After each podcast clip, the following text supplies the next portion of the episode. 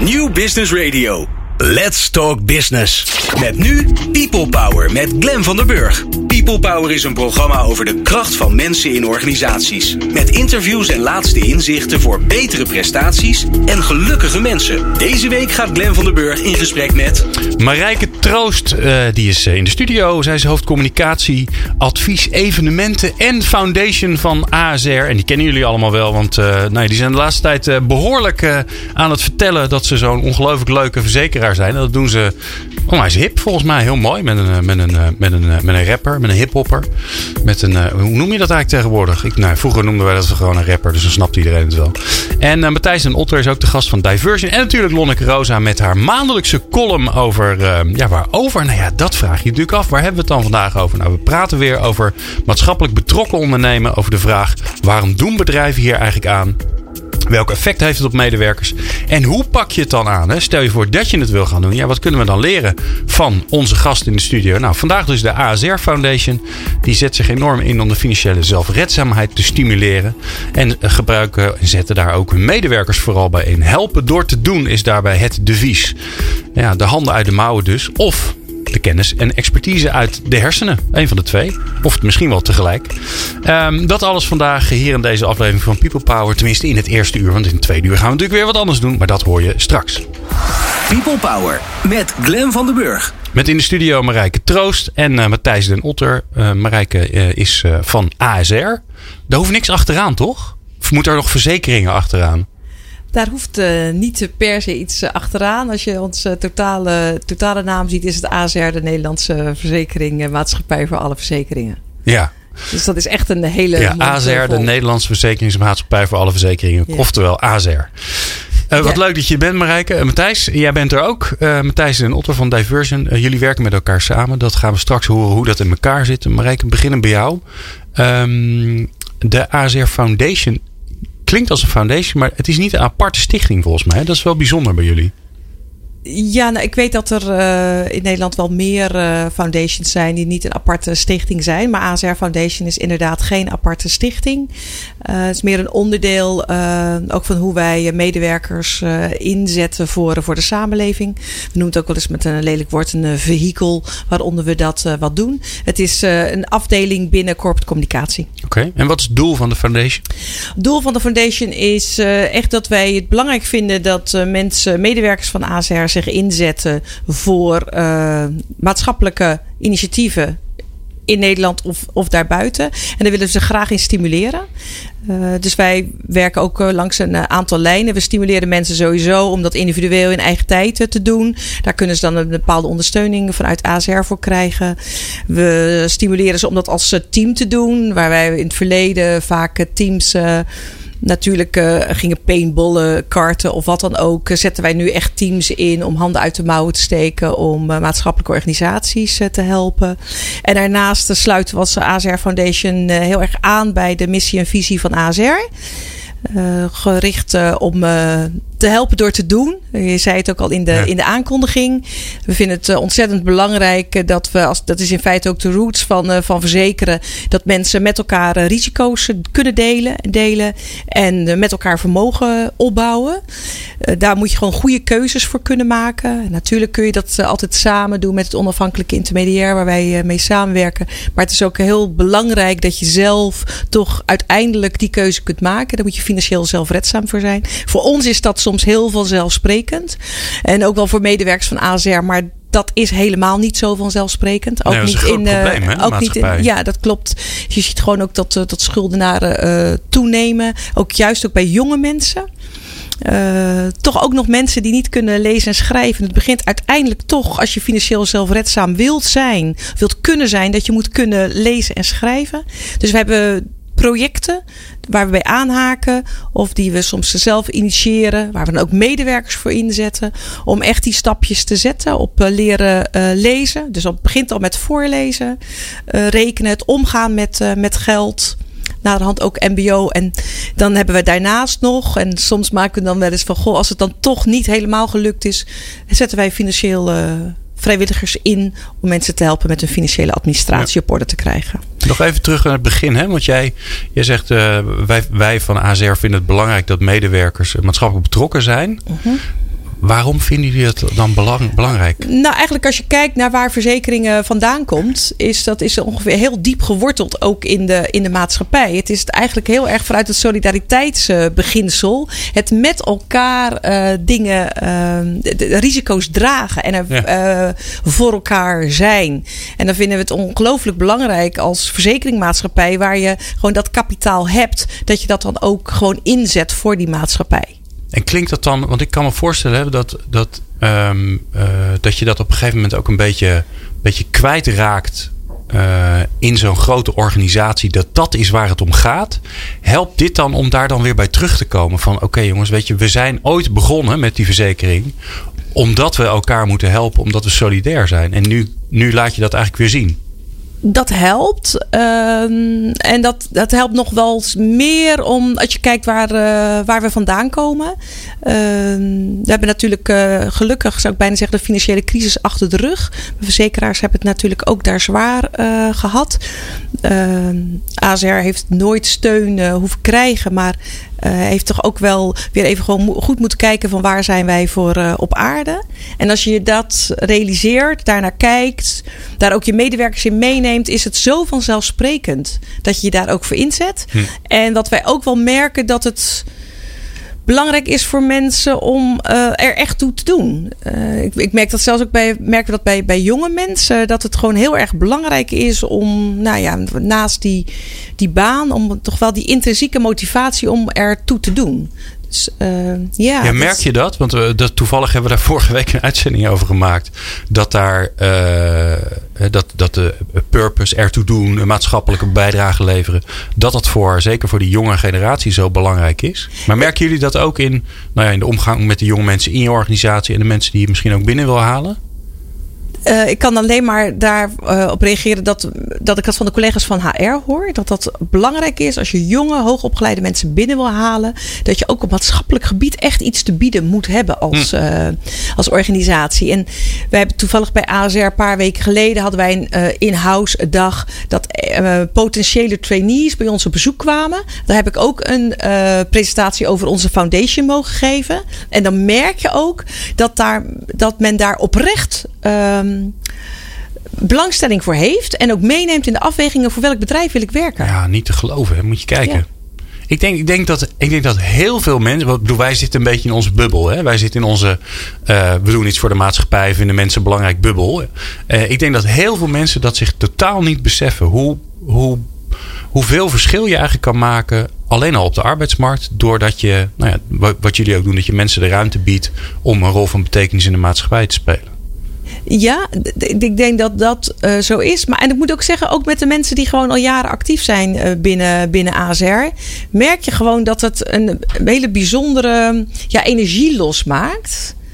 Voldoening, betrokkenheid ook weer bij ASR. Men vindt het echt ontzettend gaaf dat ASR dat doet dat er tijd voor vrijgemaakt wordt, dat er gewoon initiatieven zijn. Want hoe zit het bij jullie? Hebben jullie een soort medewerkers-vrijwilligersregeling? Waarbij je zegt, nou, zoveel tijd per jaar mag je eraan besteden? We hebben sowieso dat medewerkers van ASR krijgen een dag per jaar om zich in te zetten voor Foundation. Maar ik durf te zeggen dat uh, onze hardcore vrijwilliger meer dan één dag per jaar besteedt aan, uh, ja. aan Foundation activiteiten. En zeker als we door Foundation, ASR Foundation geïnitieerde projecten zijn, heb ik nog maar zelden gehoord. Waar ik nooit dat daar een probleem gemaakt werd. Nee. Nee, dat horen wij ook vaker terug. Ook bij andere foundations die bij ons langs zijn geweest. Die zeggen, ja, we hebben zo'n regeling wel. Maar eigenlijk is die niet meer nodig. Um, Leidinggevenden nee. vinden het zo belangrijk. Die doen er nooit ingewikkeld over. Nee, ik merk zelfs dat in de, bij ons in de, bij financiële afdelingen wordt er zelfs door leidinggevenden ook wordt er echt ongelooflijk gestimuleerd mensen om zich in te zetten als van goh, binnen natuurlijk moet je uh, goede prestaties leveren gewoon binnen je werk binnen ASR, maar dat ook uh, leidinggevenden gewoon wel op attenderen van heb je er ook wel eens aan gedacht om bijvoorbeeld financieel vrijwilliger thuis te worden jij met jouw kennis. Waarom hè, doen ze dat? Omdat ik denk dat het voor, uh, uh, voor iedereen verrijkend is.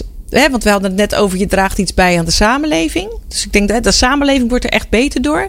Maar ik denk ook dat jij als medewerker, en misschien juist wel als jonge, hoogopgeleide medewerker, die met heel veel geld omgaat, zakelijk, en misschien privé ook best heel aardig voor elkaar heeft, dat dat gewoon heel, ja, ik zou bijna zeggen, louterend werkt om ehm, ja, te zien dat het ook anders kan. En dat het jou ook weer helpt uh, daarna om je werk misschien nog wel beter te doen. Of meer empathisch te doen. Of ja, en als je dat ook dan nog over kunt brengen, en zeker ook bij mensen die bij ons uh, natuurlijk in callcenters werken en zo, is het zo belangrijk om te weten wat er, uh, wat er leeft en hoe het voelt bij mensen die het wellicht net wat, uh, wat lastiger hebben dan wij. Ja. En, en, uh, wat doen jullie als, als foundation? Hè? Wat, wat zijn jullie activiteiten? Als ik uh, uh, inzoom op de projecten van financiële zelfredzaamheid, beginnen wij eigenlijk gewoon met het aanhaken bij de Nationale Voorleesdagen. Dus wij roepen collega's op om vooral te gaan voorlezen, want daar begint het, daar begint het mee. Dan nodigen we ook een school uit om bij ons op kantoor uh, het ontbijt te komen genieten en voorgelezen te krijgen. Natuurlijk laten we op alle scholen laten we de leesboeken uh, achter. Um, nou, we hebben dat bijvoorbeeld ook het afgelopen jaar uh, nog weer even geïnitieerd dat we een, ervoor gezorgd hebben, samen met FC Utrecht, dat er een kinderzwerfboekenstation komt in de FC Utrecht uh, uh, fanshop. wij proberen ook als het lezen, voorlezen van god, het is eenmalig en vind je dat erg leuk, dan zou je je ook kunnen inzetten voor bijvoorbeeld de Voorleesexpress. Dus dat je je echt committeert om twintig keer 20 weken of 20 keer je inzet bij een gezin. Uh, waar gewoon uh, omgegaan zou moeten worden met taal. En dat is vaak dan niet eens alleen het uh, kind, maar er wordt het hele gezin meegenomen mm. om, te gaan, om te gaan lezen. We haken heel nadrukkelijk aan als verzekeringmaatschappij met de Week van het Geld, waar we oproepen, waar we tientallen 100, uh, misschien wel 100 medewerkers hebben die gaan uh, lesgeven op, uh, op scholen. Dan koppelen we dat bijvoorbeeld nu ook aan een workshop die we samen met het Nibud ontwikkeld hebben. Workshop financiële opvoeding voor, voor ouders. Waarbij we aan de hand van een ja, soort stellingen in gesprek gaan met ouders. aan welke ja, kennis en kinderen zouden moeten hebben op bepaalde leeftijd om daaraan te werken, aan bepaalde leerdoelen. Van goh, hoe leer je omgaan met zakgeld? Hè? Hoeveel zakgeld geef je aan kleine kinderen? Hoe doe je dat? Welke hm. afspraken maak je daarover? Hoe zie je dat toegroeien naar tot een kind 18 jaar is en eigenlijk financieel zelfredzaam zou moeten zijn? Mogen leer je een kind omgaan met, met verleidingen?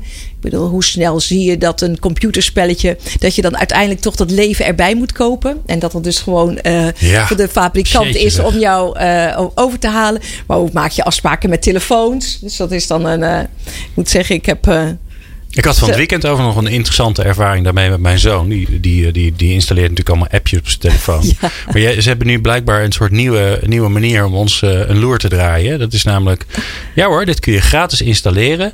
Je krijgt een, proef, uh, een proefabonnement ja. voor drie dagen. En na die drie dagen gaat de betaalde variant in.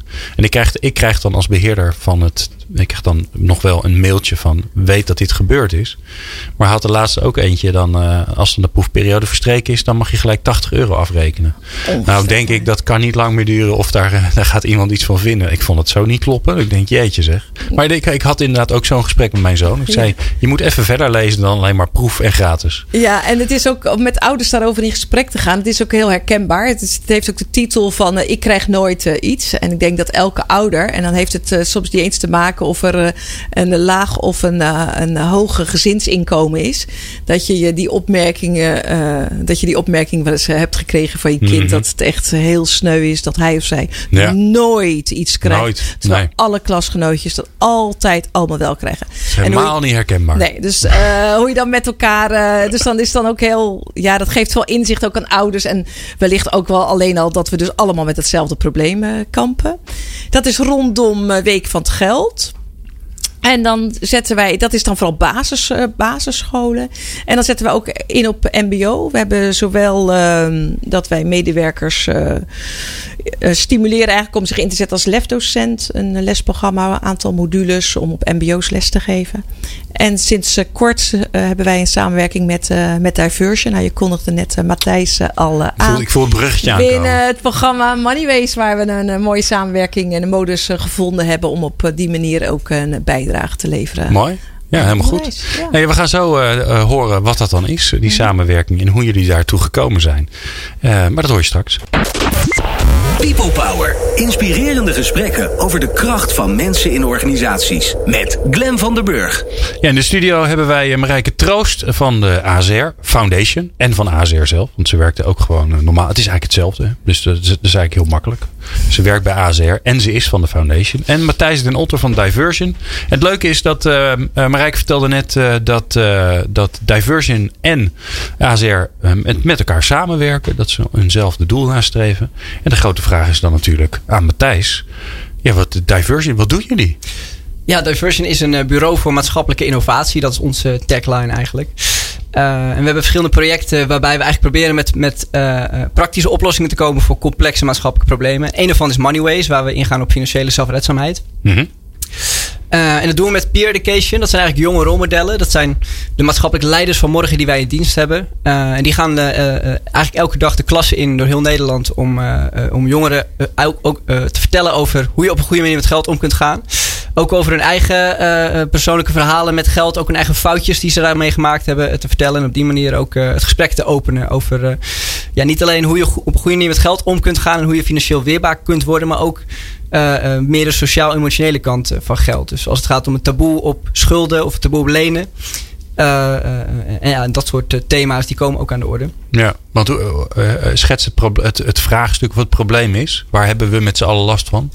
Ik denk dat het uh, een aantal aspecten heeft. Ten eerste dat jongeren vaak heel erg ja, nog niet bewust zijn hoe, hoe financiën werken. Op een gegeven moment natuurlijk financieel zelfstandig worden. Of in ieder geval een aantal financiële verantwoordelijkheden krijgen.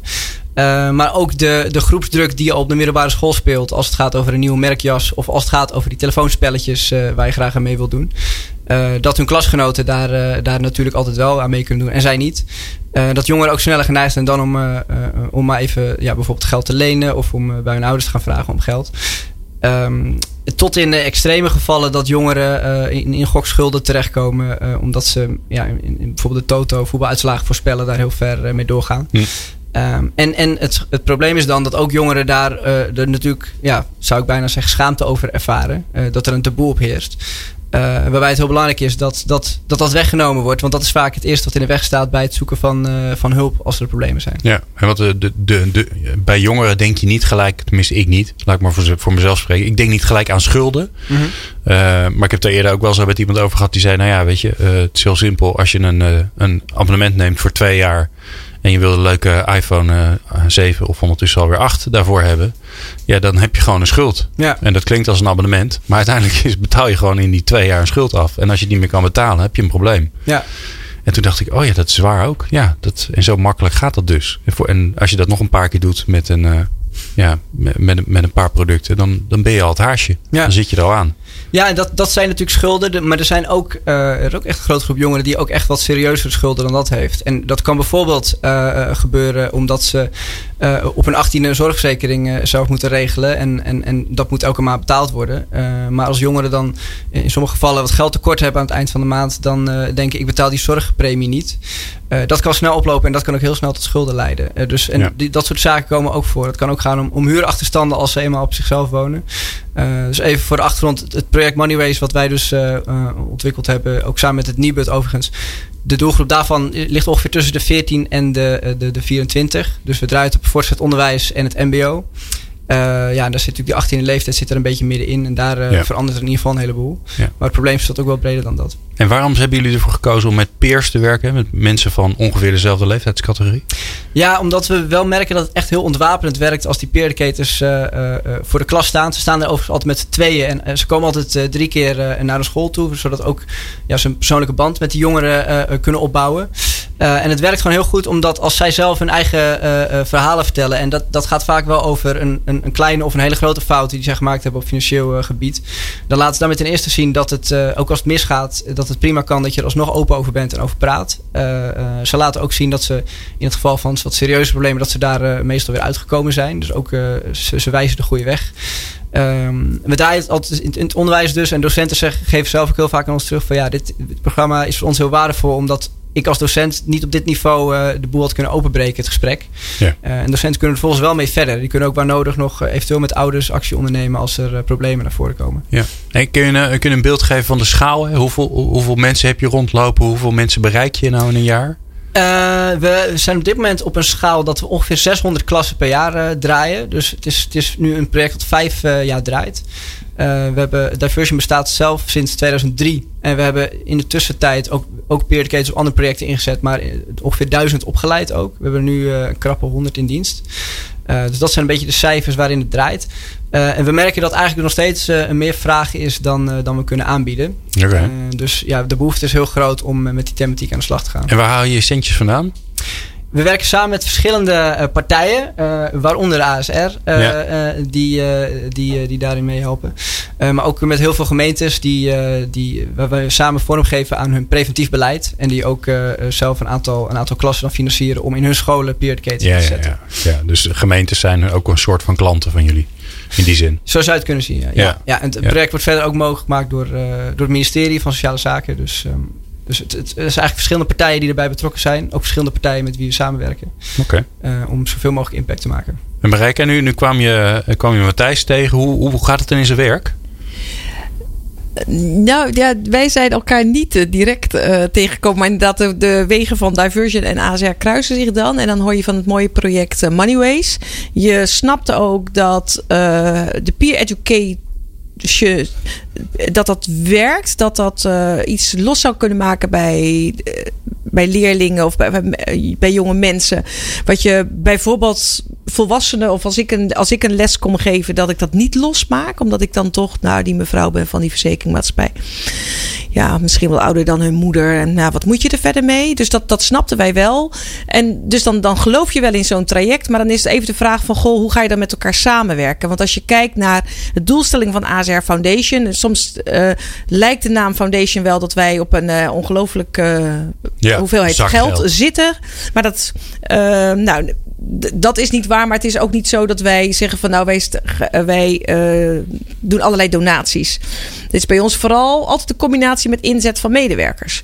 Maar waar je dan tegenaan loopt bij zo'n project als Moneyways, is dat je als wij kijken naar onze medewerkersopbouw, dat wij niet zoveel jonge mensen hebben in, eigenlijk in die leeftijdscategorie die die lessen zouden kunnen gaan geven. En uiteindelijk praat je dan toch door. Want je vindt het wel alle twee, denk ik, een heel mooi. En je zou, nou, Moneyway, Diversion wilden we graag met ons samenwerken. En wij vonden het toch wel een heel mooi traject. En ik weet niet wie nu het eerste Eureka uh, riep. Maar um, waar we kwamen. Het is een beetje de vraag geval, wie er als eerste, het, als eerste kwam, was. Met het, met, het, met het idee kwam van: goh, hoe kunnen we toch deze twee werelden bij elkaar brengen? Wij hebben als verzekeringsmaatschappij hebben wij heel veel mensen die veel verstand hebben van zorgverzekeringen en van schadeverzekering. Dat zijn vaak wel de verzekeringen waar het om gaat. Maar ze zijn niet jong. En uh, Diversion heeft jonge mensen. Ja, en dan lijkt de oplossing eigenlijk heel simpel. Buiten dat we ze een, een extra trainingsavond geven op het, over verzekeringen. Er worden WhatsApp-groepen gevormd tussen de peer educators en uh, zogenaamde buddies.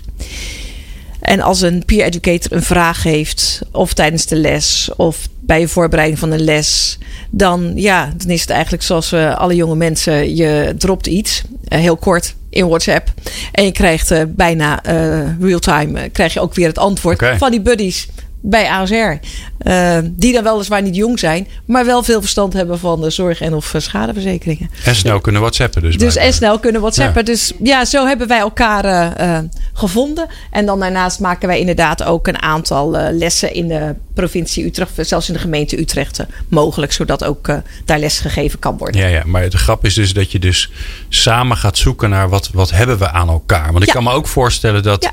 hè, dat als, eh, als Matthijs eh, had gezegd: eh, Hoi Jullie zijn een foundation, eh, wij hebben geld nodig. Dat je, dat je dan ehm, makkelijk kunt zeggen: Ja, maar dat is niet wat we doen. En dat je daardoor het contact kwijtraakt. Maar jullie hebben er dus tijd in gestoken, om uit te vogelen samen. Van, ja, waar kunnen we elkaar nou helpen? Ja, ja, dat hebben we inderdaad gedaan. Ja. Ja, omdat je. Laat ik zo zeggen, je hebt doelstellingen en dan de doelstellingen helpen ook om nee te zeggen. Eh, het zijn af en toe kampioenen nee zeggen. Ja, maar als dan ook, een hè? eh, moet ook, maar als er dan een project voorbij komt waar je wel waar je denkt van goh, wat jammer eigenlijk dat echt echt jammer, want het zit qua doelstelling zo dichtbij waar wij voor staan.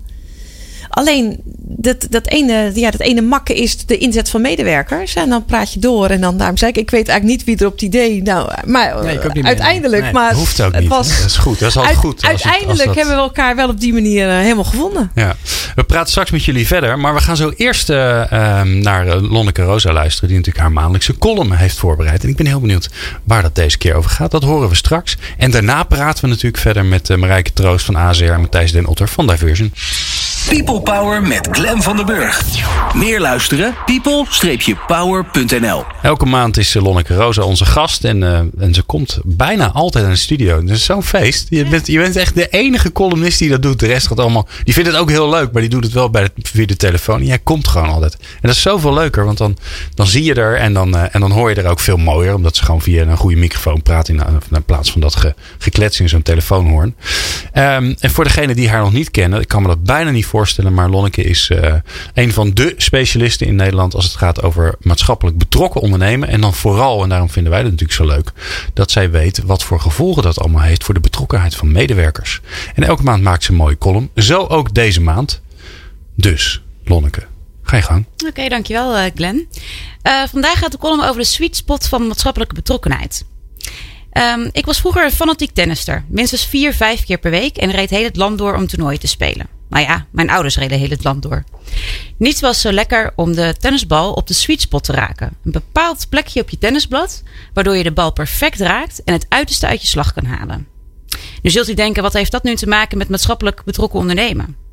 Nou, bij MBO zou je het liefst ook elk programma of project in de sweet spot willen raken. Je wilt elke keer het hoogste rendement of de meeste impact maken. Maar waar zit die sweet spot van MBO dan? Wat mij betreft zit deze in het midden van drie perspectieven, die samen een sterke activiteit of programma vormen. Dat zijn één, de behoeften van de non-profits, de doelgroep waar, waarvoor u zich inzet. eh, en of de maatschappelijke issue waar je eh, je programma rondom eh, organiseert. Twee, medewerkersbetrokkenheid. En drie, het nut of de noodzaak voor het, voor het bedrijf. En allereerst, de behoeften van non-profitorganisaties, doelgroepen en het issue. Niet alles wat bedrijven willen geven of doen is van nut voor non-profitorganisaties, de doelgroep of het issue. We kennen allemaal wel de voorbeelden van een muurtje dat vijf keer in één jaar is geschilderd, gewoon omdat bedrijven dat nu eenmaal leuk vinden. Als u dus echt iets wil bereiken met uw programma, zou je dus als bedrijf vooral goed moeten luisteren naar wat non-profitorganisaties en de achterliggende doelgroepen of issue echt nodig hebben. Soms zijn er veel handen nodig, soms een financiële impuls en een andere keer meer naamsbekendheid voor de non-profit of het bespreekbaar maken van het issue. Als MBO-manager van een bedrijf moet je dus bedenken: wat wil ik veranderen in de samenleving samen met deze non-profit en wat is daarvoor nodig? Dus dit, meer denken vanuit de impact en minder vanuit het perspectief: ik heb dit voor je ter beschikking. De tweede is medewerkersbetrokkenheid. Medewerkers zijn vaak de belangrijkste partij in het daadwerkelijk uitvoeren en lading geven aan de maatschappelijke betrokkenheid. Zeker als het in de vorm van werknemers-vrijwilligerswerk is. Mijn dissertatie laat zien dat als u medewerkers erbij wil betrekken om dit beleid echt uit te voeren en er onderdeel van te laten zijn, u ook moet inspelen op de normen, waarden, interesses en voorkeuren van medewerkers. Uit ander onderzoek blijkt dat, ondanks dat veel bedrijven MBO misschien als instrumenteel zien, dat medewerkers dat vaak niet zo zien. Zij vinden MBO en hun inzet eerder iets wat erbij hoort als je in een bevoorrechte positie zit. En zijn uh, vooral enthousiast over het feit dat ze iets terug kunnen doen voor kwetsbare groepen. En het derde perspectief is het nut en het noodzaak uh, voor bedrijven. In eerdere columns heb ik al wel eens gehad over de drie motivaties van bedrijven om zich in te zetten voor de samenleving door middel van MBO. De eerste is omdat het nu eenmaal bij onze verantwoordelijkheid hoort als onderdeel van een samenleving. Een tweede is omdat het uh, ons wat oplevert. En een derde is omdat anderen het van ons verwachten. Wat de motivatie ook is, het is altijd belangrijk dat dit meegenomen wordt in het programma en de dingen die, die u gaat doen. Dit creëert belangrijke interne legitimiteit voor de maatschappelijke betrokkenheid bij de beslissers binnen het bedrijf. Maar daarnaast is het ook veel makkelijker te begrijpen voor interne en externe stakeholders. En wordt het authentiek gezien omdat het weergeeft waar het bedrijf voor staat. En dat het dus ook bij het bedrijf past. Een heel belangrijk onderdeel om te borgen dus. Dus, als u MBO in de sweet spot wilt raken en daarmee effectief programma's wilt creëren, zou ik zeggen dat u moet gaan voor de scheidslijn van deze drie perspectieven. Ja, mooi weer. Lonneke Rosa, de laatste van het jaar. Maar zeker nog niet uh, de laatste ooit. Want uh, Wij, uh, wij hebben nog heel wat, uh, wat afleveringen gepland staan. Ik heb net even zitten kijken. We hebben echt wel veel gedaan in Lonneke. We hebben, we hebben de kick-off uitzending gehad. We hebben toen daarna Verbego gehad. Alliander, ABN AMRO, AFAS, Rabo. Vandaag ASR. Januari komt ANWB langs. In maart KPN. Dus uh, nou ja, wanneer, wanneer is het eigenlijk klaar? Jij hebt een beetje overzicht. Wie, uh, wie, wie, verlanglijstje doen we even. We doen even, we doen even het verlanglijstje oh. van Lonneke. Wie vind jij dat er nog moet komen? Um, ik zou graag met. Um, ik denk dat het heel leuk is als, uh, als Kirsten Ottens van ING Nederland Fonds komt. Omdat ze ook een hele eigen stijl hebben binnen hun, uh, hun foundation. Mm -hmm. En ik zou het ook heel leuk vinden als meer organisaties die er niet voor hebben gekozen om de foundation te doen. Uh, maar juist uh, gewoon binnen het bedrijf te houden. Ja, ja. Om die ook uit te nodigen. Om ja. daar ook een keer over te praten. Van, nou, waarom heb je die keuze gemaakt? En, en, en misschien wel met een foundation daarnaast. Die zegt van nou, wij hebben het wel gedaan om deze, deze reden. Ja, goed idee. Ja, we hebben sowieso het, voornemen, omdat wij zelf ook dachten van ja, uiteindelijk gaat het niet, natuurlijk helemaal niet om het feit dat er een foundation is. Het gaat erom dat je ja, dat je, je, betrokkenheid laat zien en je medewerkers in contact brengt met, uh, met de maatschappij. Dus we hebben sowieso in februari uh, een aflevering gepland staan waarin we gewoon twee of drie CSR-managers uitnodigen. die inderdaad geen foundation hebben. Mm -hmm. maar die wel vertellen over hun maatschappelijke betrokkenheid. en hoe ze dat inrichten. Dus we hebben al een beetje naar je geluisterd. zonder dat je ons gevraagd hebt. Dat ja. is toch wat, hè? Um, uh, wil jij nou uh, de andere columns van Lonneke horen. en de andere uitzendingen? dan kan dat natuurlijk. Uh, ga dan naar radio.people-power.nl. En wij zullen in deze aflevering over de ASR Foundation. zullen we een linkje opnemen met het overzicht van alle foundations tot nu toe. Straks praten we verder hier in de studio Uh, natuurlijk met uh, onze gasten Marijke Troost en Matthijs den, den Otter. En gaan we uh, met ze in gesprek over ja, hoe. Het is leuk dat je, dat je wil dat medewerkers betrokken zijn. Maar hoe zorg je nou dat ze betrokken zijn? Dat hoor je straks. People Power. Inspirerende gesprekken over de kracht van mensen in organisaties. Met Glen van der Burg. En met in de studio uh, Marijke Troost.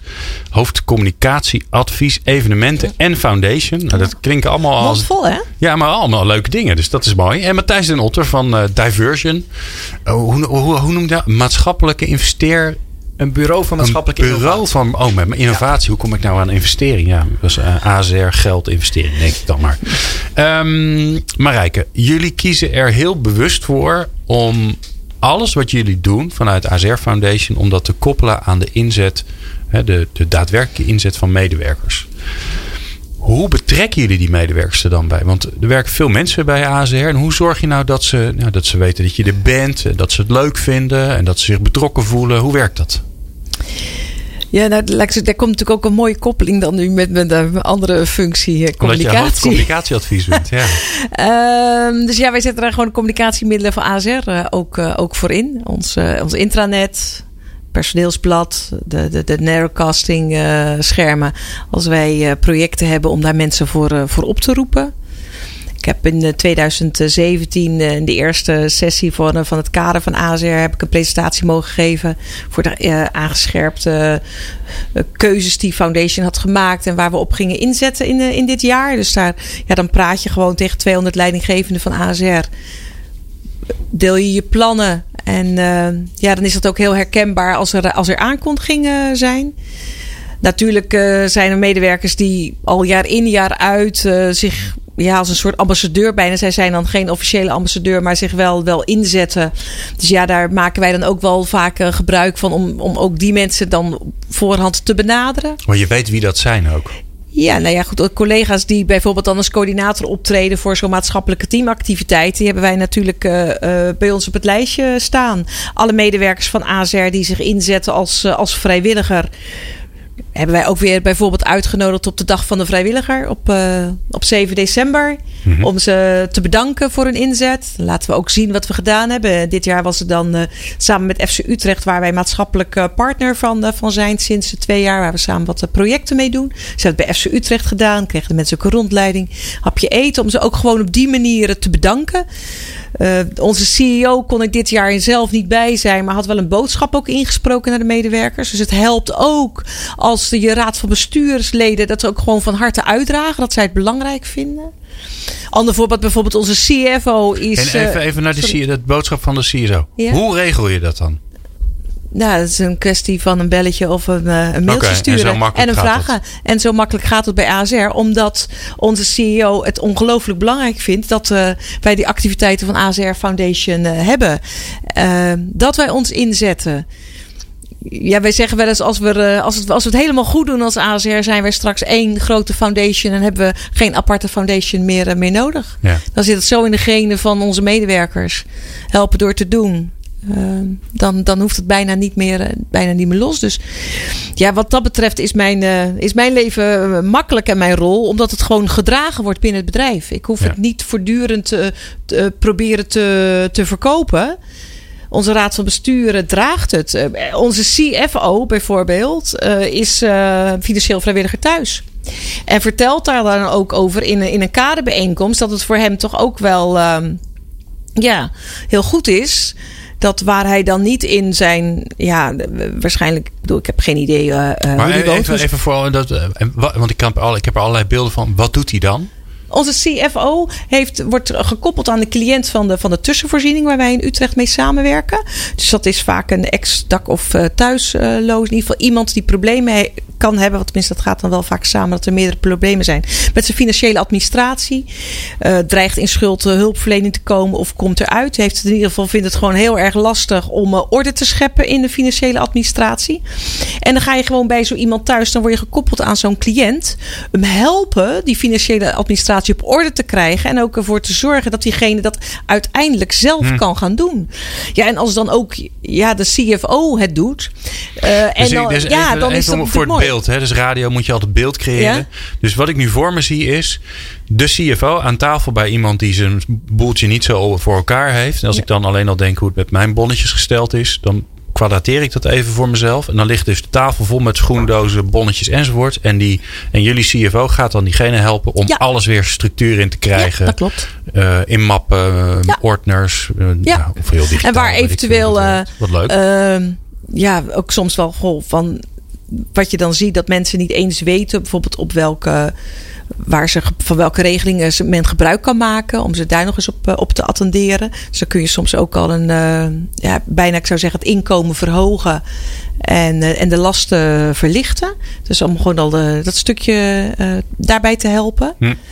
Dus ja, wat ik zei, als een, hè, onze CEO het omarmt en actief is. Onze eerste maatschappelijke teamactiviteit van het jaar is vaak de teamactiviteit van de Raad van Bestuur samen met het secretariaat en nou, met met de secretaris, et cetera. Ja, als je daar gewoon een mooie foto van kunt maken en ook op het intranet kan zetten. Ja, wie gaat dan niet maatschappelijk eh, actief zijn? Oh, maar dat is wel heel interessant. Dus eh, aan het begin van het jaar doet de Raad van Bestuur met het secretariaat doet hun Ja. teamuitje, om het zo maar even te vaak. noemen. eh, ja, Maatschappelijk teamuitje. En dat wordt, daar wordt even netjes over gecommuniceerd. Daar wordt ook, daar wordt ook van anderen hoor. Want ik vind, eh, Ja, laat ik zo zeggen, ik vind het een heel mooi voorbeeld dat onze raad van bestuur het omarmt. En dat het dus echt van hoog tot laag is. Maar het is elke afdeling die zijn bijdrage doet, vind ik net zo belangrijk als dat de raad van bestuur eh, handen uit de mouwen eh, gaat eh, steken. Maar het helpt wel, als we om terug te komen op je vraag van goh, hoe krijg je daar aandacht voor binnen het bedrijf? Hoe krijg je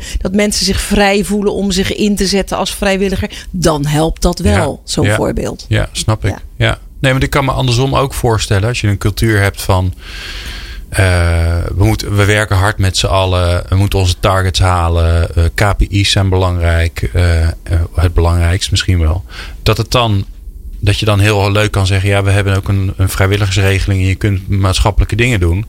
Maar ja, dan blijft toch dat, dat andere... waar mensen al hun tijd in moeten steken... dat blijft dan daarboven hangen. En, en nu hoor ik jou zeggen van... ja, op deze manier laat je zien dat het niet een dingetje is... maar dat het echt belangrijk wordt gevonden. Het wordt echt belangrijk gevonden. En ik denk uiteindelijk dat als je zingevend bezig bent, dat dat wellicht nog wel je output eh, ten goede komt. Dus dat je dan die prestatie eh, misschien nog wel beter en sneller levert.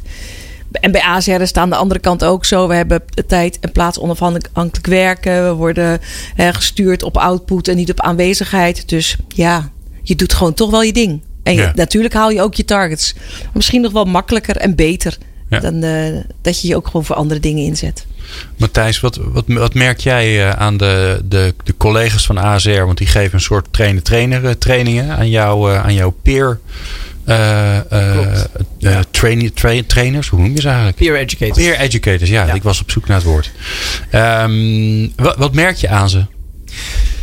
Ja, wat we, wat we op de training wel zagen is dat er, dat er heel veel enthousiasme was. Uh, wat mij ook opviel was dat er heel veel verschillende uh, leeftijden medewerkers bijvoorbeeld waren. Wat ook heel leuk was. Dus niet alleen mensen die zeiden ik ben zelf nog wat aan de jonge kant. Ik ga daar uh, naar die training toe. Maar dat, dat was redelijk divers. Mm -hmm. um, ja, en dat ook in die, in die appgroepen merken we ook wel dat mensen het leuk vinden om wat meer kennis te delen over verzekeren. Dat is natuurlijk precies waar we ook op, op hinten. Maar dat er ook, ja, dat ook wel leuk is om te merken dat mensen gewoon passie hebben voor, uh, voor het onderwerp.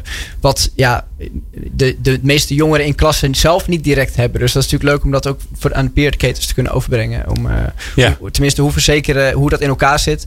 en ook hoe het werkt op sommige gebieden. bijvoorbeeld, er was laatst een vraag in een, in een van die appgroepen over. Um, uh, of wat meer achtergrond kan komen over hoe, wat bijvoorbeeld de zorgkosten per persoon zijn per jaar. En ook in relatie tot hoe dat dan werkt met zorgverzekeringen. Uh, en dat kunnen die peer educators in, in, klassen die graag wat meer informatie willen hebben. Want die peer educators proberen ook echt in te spelen op de behoeftes van de klas. Uh, die kunnen dat dan weer delen. dus die informatie die eigenlijk in die, in die app rechtstreeks opgevraagd wordt. En dat is op zich wel echt van toegevoegde waarde. Uh, en dat, ja, dat enthousiasme van medewerkers om, om die informatie te delen is ook wel leuk om te merken. Ja, ik vind de combinatie heel leuk tussen uh, dat je enerzijds gewoon een, een, een training krijgt uh, waarbij je gewoon meer achtergrondinformatie hebt, maar dat je ook die, die hulplijn eigenlijk altijd bij je hebt. Dat je altijd even snel een, een appje kan sturen en dat er altijd wel iemand is die tijd heeft om te zeggen, oh kijk even hier of doen we dit of dat zit zo. Ja, ja. Heel grappig hoe je dan ja, ge snel gebruik kan maken van al die kennis die natuurlijk bij AZR aanwezig is. Weet jij nog hoe dat ontstaan is, uh, Marijke? Dat, dat idee van die appgroep? Ik weet het niet meer. Ik, ik, ja, ongetwijfeld onder het genot van een kopje koffie. Dat we toch zaten te brainen hoe we toch een goede samenwerking konden komen. Maar hoe en wie, dat we groepjes moesten vormen en, en dan WhatsApp. Ja, het, aan de andere kant, het is zo voor de hand liggend ja, middel. Ja, en ook weer niet, denk ik dan. Het is zo voor de hand liggend, maar aan de andere kant, nee. het, het, is wel ook wel, het komt ook weer heel dichtbij. Toch? Want ik, ik, ik, ik ken het van, uh, van hockey. Ja. Breng dingen en ja. zo. En uh, als je een feestje hebt wat je met elkaar gaat organiseren. Ja. Maar dit is. Het is en dan is, komt er ineens zo'n medium, zo'n zo'n groot corporate bedrijf binnen. En, dan, en het werkt dus goed. Ja, het is een, natuurlijk een heel ja, makkelijk medium. Een medium wat door, door, in ieder geval door de, door de jonge mensen uh, gebruikt wordt. Maar aan de andere kant ook binnen het bedrijf. Ik bedoel, ik heb ook een groeps WhatsApp met mijn, met mijn teams. Uh, hoe, makkelijk is het om even dat ene korte, korte berichtje te posten uh, naar, naar je hele team. Dus het is ja, zo'n ongelooflijk eenvoudig middel. Maar om dat middel nu ook in te zetten om dan buddies te koppelen aan peer educators. Ja, nou ja, het was. Uh, ja, maar zo blijkt maar weer dat, hand, ja. dat het bij jullie echt ontstaan is uit de samenwerking. Ja. En dat je met elkaar in gesprek ja, gaat. En elkaar vindt op waar je allebei van bent. Hè? Want daar ligt volgens mij uh, de basis van het geheel. Ja, en ik denk uiteindelijk als ik, uh, dat het sowieso belangrijk is om te doen, de dingen te doen waar je van bent en waar wat dicht bij je, bij je is. Anders wordt het wel heel erg uh, ja, gekunsteld. Dat ja. kan ook in mijn persoon zitten. Dat weet ik niet dat het wel dicht bij me moet zijn om, er, om ervan te kunnen uh, zijn. En daar dingen voor te doen. Maar ik denk dat het wel heel erg belangrijk is. Mooi. Uh, Matthijs de Notter. Als mensen meer willen weten over Diversion, waar kunnen ze dan heen? Ze kunnen in ieder geval naar www.diversion.nl. Briljant, eenvoudig. Daar staat eigenlijk ja. alle informatie op mocht je nog meer in contact met ons willen komen, uh, om dat ook daadwerkelijk te doen. Dus daar nodig ik iedereen die meer wil weten ook uh, daadwerkelijk voor uit. We zijn altijd telefonisch, tenminste bijna altijd met de feestdagen, telefonisch bereikbaar. Uh, maar met een mail of via social media gaat het altijd lukken. Top, mooi. Dankjewel Matthijs Notter van Diversion. En natuurlijk Marijke, Marijke Troost van, van AZR Foundation. Bedankt voor jullie aanwezigheid hier in de studio. Nee. Dit keer zonder sneeuw, gelukkig. Ja, heel graag gedaan. Ja. En uh, veel succes met alle mooie dingen die jullie, uh, die jullie doen. Ja, dankjewel. Wij gaan uh, straks verder het tweede uur. Een bijzonder tweede uur, want het is het laatste uur van het jaar. dat voelt toch een beetje, ja, als een soort, uh, soort afsluiting of zo. Wat natuurlijk belachelijk is, want we gaan in januari gewoon gezellig weer verder. 8 januari zijn we er live weer. En we hebben een, uh, we hebben een ratje toe. We hebben van alles. We hebben Marco Hendriksen, de hoofdredacteur van PW, die ons meeneemt langs uh, de trends in HR. Doekers die gaat wat vertellen over blockchain. Dat vind ik zelf heel spannend, want ik zit de hele tijd, denk ik, te snappen. En dan hoor ik wat over, dan snap ik het toch weer niet. ik ga jullie meenemen in mijn frustratie en mijn blijdschap rondom geluk in het werk. En we kijken vooruit naar 2018. Want we gaan volgend jaar gaan we ongelooflijk gestructureerd te werk. Wat natuurlijk helemaal niet bij, in niet bij mij past. Maar ik word er wel heel vrolijk van. Dus we gaan je meenemen welke thema's we in 2018 gaan behandelen in People Power. Uh, voor nu, uh, dank dat je luisterde. En uh, ik zie je aan de andere kant van het uur. Meepraten of meer programma's? people-power.nl